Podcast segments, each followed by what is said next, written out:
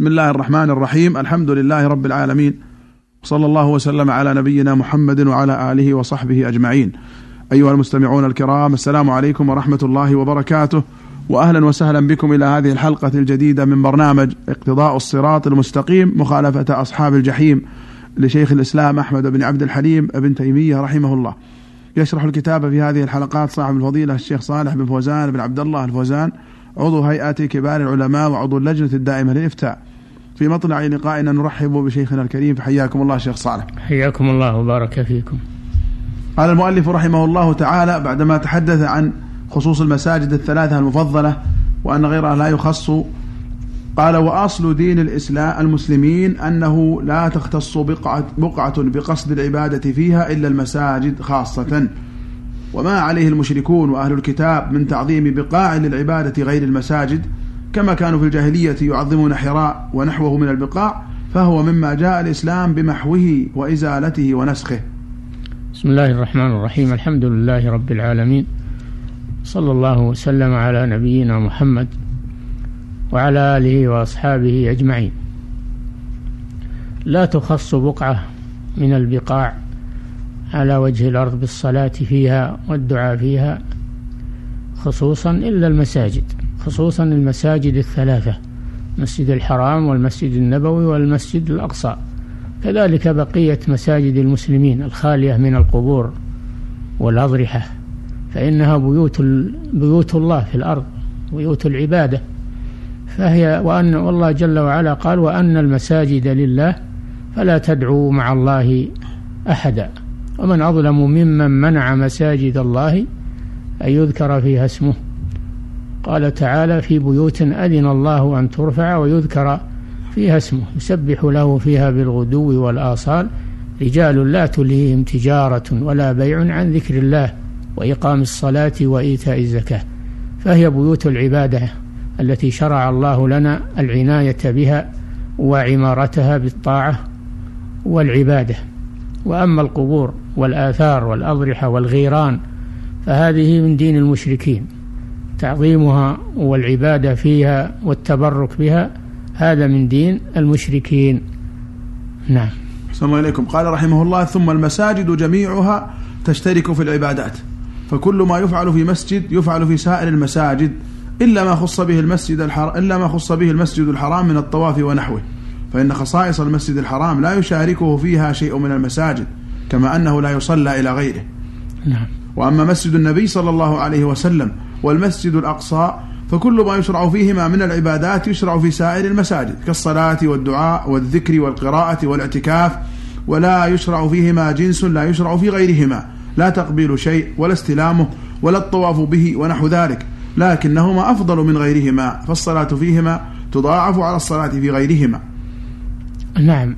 ما يشرع في المساجد المساجد على قسمين المساجد الثلاثة التي خصها النبي صلى الله عليه وسلم بالسفر للعبادة فيها. فهذه فهذه تضاعف فيها الصلاة.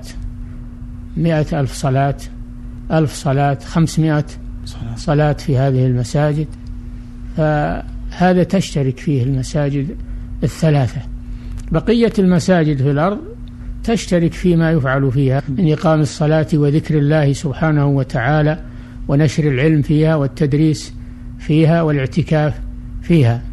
المسجد الحرام خاصة دون غيره خص بالطواف في الكعبة المشرفة وليس هناك مكان في الأرض قاطبة يطاف به إلا الكعبة المشرفة وليس هناك شيء في الأرض يستلم إلا الحجر الأسود والركن اليماني أو يقبل. نعم. أحسن الله إليكم. قال رحمه الله أما مسجد النبي صلى الله عليه وسلم فقد ثبت في الصحيح أن الصلاة فيه أفضل من ألف صلاة فيما سواه إلا المسجد الحرام. وروي هذا عن النبي صلى الله عليه وسلم من غير وجه. ففي الصحيحين عن أبي هريرة رضي الله عنه قال قال رسول الله صلى الله عليه وسلم صلاة في مسجد هذا خير من ألف صلاة في غيره من المساجد إلا المسجد الحرام. فإني آخر الأنبياء وإن مسجدي هذا آخر المساجد. وفي صحيح مسلم عن ابن عمر رضي الله عنهما عن النبي صلى الله عليه وسلم قال صلاة في مسجدي هذا أفضل من ألف صلاة فيما سواه إلا المسجد الحرام. وفي مسلم أيضا عن ابن عباس رضي الله عنهما أنه قال إن امرأة اشتكت شكوى فقالت إن شفاني الله لأخرجن فلا أصلين في بيت المقدس. فبرأت ثم تجهزت تريد الخروج. فجاءت ميمونة زوج النبي صلى الله عليه وسلم فأخبرتها ذلك فقالت اجلسي. فكلي ما صنعت وصلي في مسجد الرسول صلى الله عليه وسلم فإني سمعت رسول الله صلى الله عليه وسلم يقول صلاة فيه أفضل من ألف صلاة فيما سواه إلا مسجد الكعبة. وفي المسند عن ابن الزبير رضي الله تعالى عنهما قال قال رسول الله صلى الله عليه وسلم صلاة في مسجد هذا أفضل من ألف صلاة فيما سواه إلا المسجد الحرام وصلاة في المسجد الحرام أفضل من صلاة في مسجد هذا بمئة صلاة. قال أبو عبد الله المقدسي إسناده على رسم الصحيح نعم فالمسجد الحرام يختص من بين مساجد الأرض في أنه الذي يطاف به وهو الذي يصلى إليه ويستقبل. هذا لا يكون إلا للمسجد الحرام. أما بقية المساجد وفيها المسجد النبوي والمسجد الأقصى فكل ما يفعل فيها متشابه من إقام الصلاة وذكر الله وتدريس العلوم الشرعية والاعتكاف وغير ذلك لكن تمتاز يمتاز المسجد النبوي والمسجد الأقصى على غيرهما من المساجد في أن العمل فيهما أفضل من العمل في غيره من المساجد. نعم. ولهذا جاءت الشريعة بالاعتكاف الشرعي في المساجد بدل ما كان يفعل قبل الإسلام من المجاورة بغار حراء فكان النبي صلى الله عليه وسلم يعتكف العشر الأواخر من رمضان حتى قبضه الله. نعم. والاعتكاف من العبادات المشروعة بالمساجد باتفاق الأئمة. كما قال تعالى ولا تباشروهن وأنتم عاكفون في المساجد. أي في حال عكوفكم في المساجد. لا تباشروهن. وإن كانت المباشرة خارج المسجد.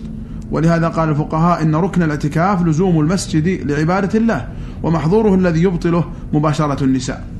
نعم. فالاعتكاف يكون في المساجد. ولا يجوز الاعتكاف في البيوت أو في الغيران أو أو الأمكنة. هذا مبتدع هذا اعتكاف مبتدع. الاعتكاف إنما هو عبادة لله يكون في المساجد. قال تعالى وأنتم عاكفون في المساجد والنبي صلى الله عليه وسلم كان يعتكف في المسجد ويوضع له ويطرح له الفراش في المسجد فيعتكف في المسجد ولا يعتكف في بيته عليه الصلاة والسلام. نعم. فأما العكوف والمجاورة عند شجرة أو حجر تمثال أو غير تمثال أو العكوف والمجاورة عند قبر نبي أو غير نبي أو مقام نبي أو غير نبي فليس هذا من دين المسلمين بل هو من جنس دين المشركين الذين أخبر الله عنهم بما ذكره في كتابه حيث قال ولقد آتينا إبراهيم رشده من قبل وكنا به عالمين إذ قال لأبيه وقومه ما هذه التماثيل التي أنتم لها عاكفون؟ قالوا وجدنا آباءنا لها عابدين. قال لقد كنتم أنتم وآباؤكم في ضلال مبين. قالوا أجئتنا بالحق أم أنت من اللاعبين؟ قال بل ربكم رب السماوات والأرض الذي فطرهن وأنا على ذلك من الشاهدين. وتالله لأكيدن أصنامكم بعد أن تولوا مدبرين. فجعلهم جذاذا إلا كبيرا لهم لعلهم إليه يرجعون. نعم فالاعتكاف يكون في المساجد بيوت الله. وأيضا لأجل الصلاة مع الجماعة. فإن الإنسان إذا اعتكف في مكان غير المسجد فهو سيضطر إما أن يخرج للصلاة ويقطع الاعتكاف وإما أن يصلي في مكانه فيترك صلاة الجماعة. فلذلك قالوا لا لا يجوز ولا يصح الاعتكاف إلا في مسجد يجمع فيه أي تقام فيه الجمعة صلاة الجماعة. تقام فيه صلاة الجماعة وليس الجمعة. بلازم الجمعة. ليس بلازم. نعم الجمعة يخرج لها لا بأس لأنها لا تتكرر. نعم. خلاف الصلوات الخمس فإنها تتكرر في اليوم والليلة خمس مرات. نعم. فهذا يؤثر على الاعتكاف. فلذلك يكون الاعتكاف في المساجد. أما الاعتكاف عند القبور أو الاعتكاف في المغارات أو عند الأشجار أو غير ذلك فهذا من دين المشركين. كما قال الله جل وعلا وجاوزنا ببني إسرائيل البحر فأتوا على قوم يعكفون على أصنام لهم. وكذلك إبراهيم عليه السلام أنكر على قومه أنهم يعكفون عند التماثيل والاعتكاف عند القبور والبقاء عندها والنزول في ساحاتها أياما. كل هذا من دين المشركين. نعم. صلى الله عليكم. قال رحمه الله قال الله تعالى واتل عليهم نبأ إبراهيم. إذ قال لأبيه وقومه ما تعبدون؟ قالوا نعبد أصناما فنظل لها عاكفين. قال هل يسمعونكم إذ تدعون أو ينفعونكم أو يضرون؟ قالوا بل وجدنا آباءنا كذلك يفعلون. قال أفرأيتم ما كنتم تعبدون؟ أنتم وآباؤكم الأقدمون؟ فإنهم عدو لي إلا رب العالمين. الذي خلقني فهو يهديني والذي هو يطعمني ويسقيني وإذا مرضت فهو يشفيني والذي يميتني ثم يحيين. والذي أطمع أن يغفر لي خطيئتي يوم الدين إلى آخر القصة. فهذه محاورات إبراهيم عليه السلام مع قومه وإقناعهم بالتوحيد الخالص لله عز وجل وإقامة البراهين عليهم. ومن ذلك أنهم يعتكفون عند التماثيل مع أنها لا تنفع ولا تضر وإنما هي تماثيل أقل منهم بل هي من صنيعهم. تعبدون ما تنحتون والله خلقكم وما تعملون. فجل على أن الاعتكاف لا يجوز إلا لله عز وجل عبادة لله وأنه لا يكون إلا في بيوته ومساجده. نعم. وقال تعالى وجاوزنا ببني إسرائيل البحر فأتوا على قوم يعكفون على أصنام لهم. قالوا يا موسى اجعل لنا إلها كما لهم آلهة. قال إنكم قوم تجهلون. إن هؤلاء متبر ما هم فيه وباطل ما كانوا يعملون. قال غير الله يبغيكم إلها وهو فضلكم على العالمين. قال رحمه الله فهذا عكوف المشركين وذاك عكوف المسلمين. فعكوف المسلمين لله عز وجل ويكون في بيوته ومساجده التي أمر الله أن ترفع ويذكر فيها اسمه. وأما اعتكاف المشركين فهو خارج المساجد إما عند القبور وإما عند الأشجار والأحجار أو عند التماثيل أو غير ذلك من الأشياء التي يعظمونها. نعم. قال فعكوف المؤمنين في المساجد لعبادة الله وحده لا شريك له وعكوف المشركين على ما يرجونه ويخافونه من دون الله وما يتخذونهم شركاء وشفعاء. فإن المشركين لم يكن أحد منهم يقول إن العالم له خالقان ولا أن الله له شريك يساويه في صفاته هذا لم يقله أحد من المشركين بل كانوا يقرون بأن خالق السماوات والأرض واحد. كما أخبر الله عنهم بقوله ولئن سألتهم من خلق السماوات والأرض ليقولن الله. وقوله تعالى قل لمن الأرض ومن فيها إن كنتم تعلمون سيقولون لله. قل أفلا تذكرون؟ قل من رب السماوات السبع ورب العرش العظيم؟ سيقولون لله. قل أفلا تتقون؟ قل من بيده ملكوت كل شيء وهو يجير ولا يجار عليه. إن كنتم تعلمون سيقولون لله. قل فأنا تسحرون. وكانوا يقولون في تلبيتهم لبيك لا شريك لك. إلا شريكا هو لك تملكه وما ملك. فقال تعالى لهم ضرب لكم مثلا من أنفسكم هل لكم مما ملكت أيمانكم من شركاء فيما رزقناكم فأنتم فيه سواء تخافونهم كخيفتكم أنفسكم؟ التوحيد قسمان. توحيد في المعرفة والإثبات وتوحيد في العبادة توحيد في القصد والطلب. توحيد المعرفة والإثبات هذا يسمى توحيد الربوبية. وهو الاعتراف بأن الله هو الخالق الرازق المحيي المميت المدبر للكون لا رب سواه ولا خالق سواه ولا رازق سواه سبحانه وتعالى. وبالاختصار توحيد الربوبية هو إفراد الله بأفعاله كالخلق والرزق والإحياء والإماتة وغير ذلك.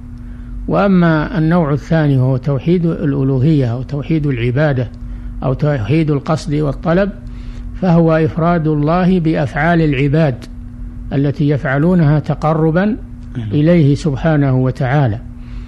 وذلك مثل الصلاة والزكاة والصيام والحج والجهاد في سبيل الله والأمر بالمعروف والنهي عن المنكر وغير ذلك من أنواع العبادة التي يفعلها العبد وهي مما شرعه مما شرعه الله له. فهذا توحيد الألوهية. المشركون من قاطبتهم من أولهم إلى آخرهم يقرون بالنوع الأول.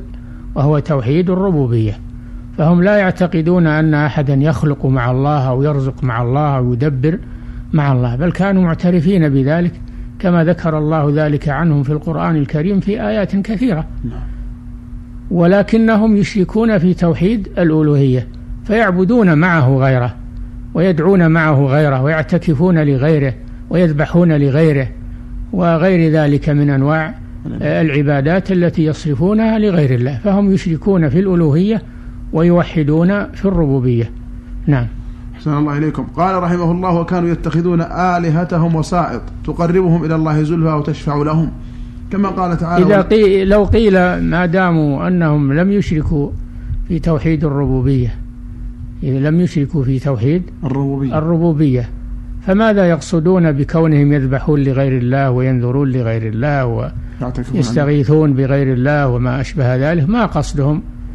قيل قصدهم أنهم يجعلون هؤلاء وسائط بينهم وبين الله ليشفعوا لهم عند الله. قال تعالى ويعبدون من دون الله ما لا يضرهم ولا ينفعهم ويقولون هؤلاء شفعاؤنا. عند الله. والذين اتخذوا من دونه أولياء ما نعبدهم إلا ليقربونا إلى الله زلفى. هذا قصدهم. نعم. أحسن الله إليكم. قال رحمه الله كما قال تعالى والذين اتخذوا من دونه أولياء ما نعبدهم إلا ليقربونا إلى الله زلفى. وقال تعالى أم اتخذوا من دون الله شفعاء؟ قل أولو كانوا لا يملكون شيئا ولا يعقلون. قل لله الشفاعة جميعا له ملك السماوات والأرض. وقال تعالى ويعبدون من دون الله ما لا من دون الله ما لا يضرهم ولا ينفعهم ويقولون هؤلاء شفعاؤنا عند الله. قل أتنبئون الله بما لا يعلم في السماوات ولا في الأرض؟ وقال تعالى عن صاحب ياسين وما لي لا أعبد الذي فطرني وإليه ترجعون؟ أأتخذ من دونه آلهة؟ إن يردني الرحمن بضر لا تغني عني شفاعتهم شيئا ولا ينقذون. إني إذا لفي ضلال مبين. إني آمنت بربكم فاسمعون. نعم. وقال تعالى ولقد جئتمونا فرادا كما خلقناكم أول مرة وتركتم ما خولناكم وراء ظهوركم. وما نرى معكم شفعاءكم الذين زعمتم أنهم فيكم شركاء. لقد تقطع بينكم وضل عنكم ما كنتم تزعمون. هذه النهاية في يوم القيامة. يتبرأ المعبودون ممن عبدهم والمتبوعون ممن تبعه اتبعهم. والأخلاء يكونون أعداء فيما بينهم يوم القيامة إلا المتقين. فإن صداقتهم ومحبتهم تبقى. لأنهم تحابوا في الله في هذه الدنيا فتبقى صداقتهم ومحبتهم في الآخرة. أما أولئك فتحابوا على الشرك وعلى الكفر بالله عز وجل فانقلبت عداوة. محبتهم عداوة ويلعن بعضهم بعضا والعياذ بالله في يوم القيامة ويتشامتون في يوم القيامة. فهذه هي النتيجة. جئتمونا فرادا كما خلقناكم أول. مرة وتركتم ما خولناكم وراء ظهوركم. وما نرى معكم شفعاءكم الذين زعمتم أنهم فيكم شركاء. لقد تقطع بينكم وضل عنكم ما كنتم تزعم. تزعمون. إن الله فالق الحب والنوى. إلى آخر الآيات الكريمة. تدل على أن صلة المشركين بمعبوداتهم تنقطع يوم القيامة ويتبرؤون منهم أحوج ما يكونون إليهم. نعم. الله إليكم قال رحمه الله وقال تعالى ما لكم من دونه من ولي ولا شفيع. وقال تعالى وأنذر به الذين يخافون أن يحشروا إلى ربهم ليس لهم من دونه ولي ولا شفيع. الشفاعة لله جل وعلا هو الذي يمنحها من يشاء يأذن للشافع أن يشفع ويرضى عن المشفوع فيه. نعم. وأنذر به الذين يخافون أن يحشروا إلى ربهم ليس لهم من دونه ولي ولا شفيع لعلهم يتقون. قال رحمه الله وهذا الموضع افترق الناس فيه ثلاث فرق طرفان ووسط. فالمشركون ومن وافقهم من مبتدعة أهل الكتاب كالنصارى ومبتدعة هذه الأمة أثبتوا الشفاعة التي نفاها القرآن. نعم. والخوارج والمعتزلة أنكروا شفاعة نبينا صلى الله عليه وسلم في أهل الكبائر من أمته بل أنكر طائفة من أهل البدع انتفاع الإنسان بشفاعة غيره ودعائه كما أنكروا انتفاعه بصدقة غيره وصيامه عنه. وأنكروا الشفاعة بقوله تعالى من قبل أن يأتي يوم لا بيع فيه ولا خلة ولا شفاعة. وبقوله تعالى ما للظالمين من حميم ولا شفيع يطاع. أنكروا الشفاعة بقوله تعالى من قبل أن يأتي يوم لا بيع فيه ولا خلة ولا شفاعة. وبقوله تعالى ما للظالمين من حميم ولا شفيع يطاع ونحو ذلك. وأما سلف الأمة وأئمتها ومن تبعهم من أهل السنة والجماعة فأثبتوا ما جاءت به السنة عن النبي صلى الله عليه وسلم من شفاعته لأهل الكبائر من أمته وغير ذلك من أنواع شفاعاته وشفاعة غيره من النبيين والملائكة. وقالوا إنه لا يخلد في النار من أهل التوحيد أحد. وأقروا بما جاءت به السنة من انتفاع الإنسان بدعاء غيره وشفاعته والصدقة عنه بل والصوم عنه في أصح قولي العلماء كما ثبتت به السنة الصحيحة الصريحة. وما كان في معنى الصوم. نعم. وقالوا إن الشفيع يطلب من الله ويسأل ولا تنفع الشفاعة إلا بإذنه. الشفاعة هي الوساطة والمراد بها طلب الخير للغير كما يقولون. نعم. هذه هي الشفاعة في اللغة. والشفاعة عند الله لا تصح إلا بشرطين. إذن الله للشافع أن يشفع من ذا الذي يشفع عنده؟ إلا بإذنه. ورضاه عن المشفوع فيه بأن يكون المشفوع فيه من أهل التوحيد لكنه استحق العذاب بسبب ذنب من ذنوبه دون الشرك فيشفع الله فيه من يشاء سبحانه وتعالى وينجيه من العذاب. فهي لعصاة الموحدين خاصة. أما الكفار فلا تنفعهم ما تنفعهم شفاعة الشافعين. ما للظالمين من حميم ولا شفيع يطاع. فالشفاعة الصحيحة هي ما توفر فيها شرطان. إذن الله للشافع أن يشفع ورضاه عن المشفوع فيه. فلا أحد يشفع عنده إلا بإذنه ولا أحد يشفع في مشرك أو كافر الإيمان من عصاة الموحدين. الناس اختلفوا في الشفاعة على ثلاثة أقسام كما قال الشيخ هنا طرفان ووسط. الطرف الأول الذين أنكروها من الخوارج والمعتزلة وغيرهم أنكروا الشفاعة في أهل في عصاة الموحدين في الشفاعة في أهل الكبائر نعم. أنكروها. وقالوا من دخل النار لا لا يخرج منها لأنهم يكفرون بالكبائر. والعياذ بالله. هذا طرف من من الأطراف الثلاثة وهم الذين غلوا في النفي غلوا في نفي الشفاعة حتى قالوا لا شفاعة في عصاة الموحدين. فنفوا ما أثبته الله ورسوله في الكتاب والسنة والعياذ بالله بناء على مذهبهم أن صاحب الكثيرة كافر أن صاحب الكبيرة كافر. عندهم والعياذ بالله. الطرف الثاني المضاد لهم الذين أثبتوا الشفاعة مطلقة بدون شروط وهم القبوريون والمشركون وطلبوا الشفاعة من كل أحد. طلبوها من الأموات طلبوها من آه، كل ما وقع آه، نظرهم واستحسنته عقولهم يطلبون الشفاعة منهم ويعبدونهم من دون الله ويعبدون من دون الله ما لا ينفعهم ولا يضرهم ويقولون هؤلاء شفعاؤنا عند الله. فأنت إذا قلت لهم أنت تعبد غير الله؟ قال لا أنا أعبد الله ولكن هذا رجل صالح وأنا أتقرب إليه ليقربني إلى الله. والذين اتخذوا من دونه أولياء ما نعبدهم إلا ليقربونا إلى الله زلفى. هذا طرف مغاير للطرف الأول. الوسط وهم أهل السنة والجماعة نفوا ما نفاه الله من الشفاعة للمشركين والكفار وأثبتوا ما أثبته الله وهو الشفاعة في أصحاب الكبائر من المسلمين بإذن الله سبحانه وتعالى ورضاه. نعم. أحسن الله إليكم. قال رحمه الله وقالوا أي أهل السنة؟ قالوا إن الشفيع يطلب من الله ويسأل ولا تنفع الشفاعة إلا بإذنه. قال تعالى من ذا الذي يشفع عنده إلا بإذنه ولا يشفعون إلا لمن ارتضى. وكم من ملك في السماوات. لا تغني شفاعتهم شيئا إلا من بعد أن يأذن الله لمن يشاء ويرضى. وقد ثبت في الصحيح أن سيد الشفعاء صلى الله عليه وسلم إذا طلبت منه بعد أن تطلب من آدم وأولي العزم نوح وإبراهيم وموسى وعيسى فيردونها إلى محمد صلى الله عليه وسلم العبد الذي غفر الله له ما تقدم من ذنبه وما تأخر قال فأذهب إلى ربي فإذا رأيته خررت له ساجدا فأحمد ربي بمحامد يفتحها علي لا أحسنها الآن. فيقول لي أي محمد ارفع رأسك وقل يسمع وسل تعطه واشفع تشفع. قال فأقول ربي أمتي أمتي. فيحد لي حدا فأدخلهم الجنة. هذا الدليل أو من الأدلة على أن الشفاعة لا تكون إلا بعد إذن الله سبحانه وتعالى وأن الشفيع لا يبدأ بالشفاعة بدون إذن. فهذا محمد صلى الله عليه وسلم سيد الشفعاء وأفضل الخلق على الإطلاق لا يشفع عند الله إلا بعد أن يأذن الله له بالشفاعة. يخر ساجدا بين يدي الله ويدعوه ويتضرع إليه حتى يقال له ارفع رأسك واشفع تشفع. نعم. وقال تعالى قل ادعوا الذين زعمتم من دونه فلا يملكون كشف الضر عنكم ولا تحويلا. أولئك الذين يدعون يبتغون إلى ربهم الوسيلة أيهم أقرب ويرجون رحمته ويخافون عذابه. إن عذاب ربك كان محذورا.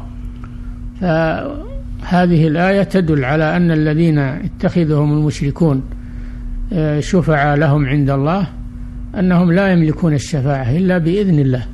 فهؤلاء الذين قال الله جل وعلا فيهم أولئك الذين يدعون أي يدعوهم المشركون نعم. يبتغون إلى ربهم الوسيلة أي القرب. منه سبحانه وهم عيسى وأمه وعزير فالذين يعبدهم النصارى واليهود هم بأنفسهم يطلبون من الله ويحتاجون إلى عفو الله ومغفرته فكيف يشاركون الله جل وعلا في العبادة ويدعون من دون الله عز وجل؟ نعم فهم عباد مثلكم أولئك الذين يدعون يبتغون إلى ربهم الوسيلة أيهم أقرب؟ ويرجون رحمته ويخافون عذابه. إن عذاب ربك كان محذورا. نعم. أحسن الله إليكم شيخنا وجزاكم خيرا. أيها المستمعون الكرام إلى هنا نأتي إلى نهاية هذه الحلقة من برنامج اقتضاء الصراط المستقيم لمخالفة أصحاب الجحيم. مع صاحب الفضيلة الشيخ صالح الفوزان. شكر الله لشيخنا ما تكرم به من الشرح والبيان وشكر لكم حسن استماعكم ونفعنا وإياكم بما نقول ونسمع. هذه في الختام تحية أخي مهندس الصوت ناصر بن حسن الجريسي. حتى نلقاكم في الحلقة القادمة إن شاء الله. نستودعكم الله. والسلام عليكم ورحمة الله وبركاته.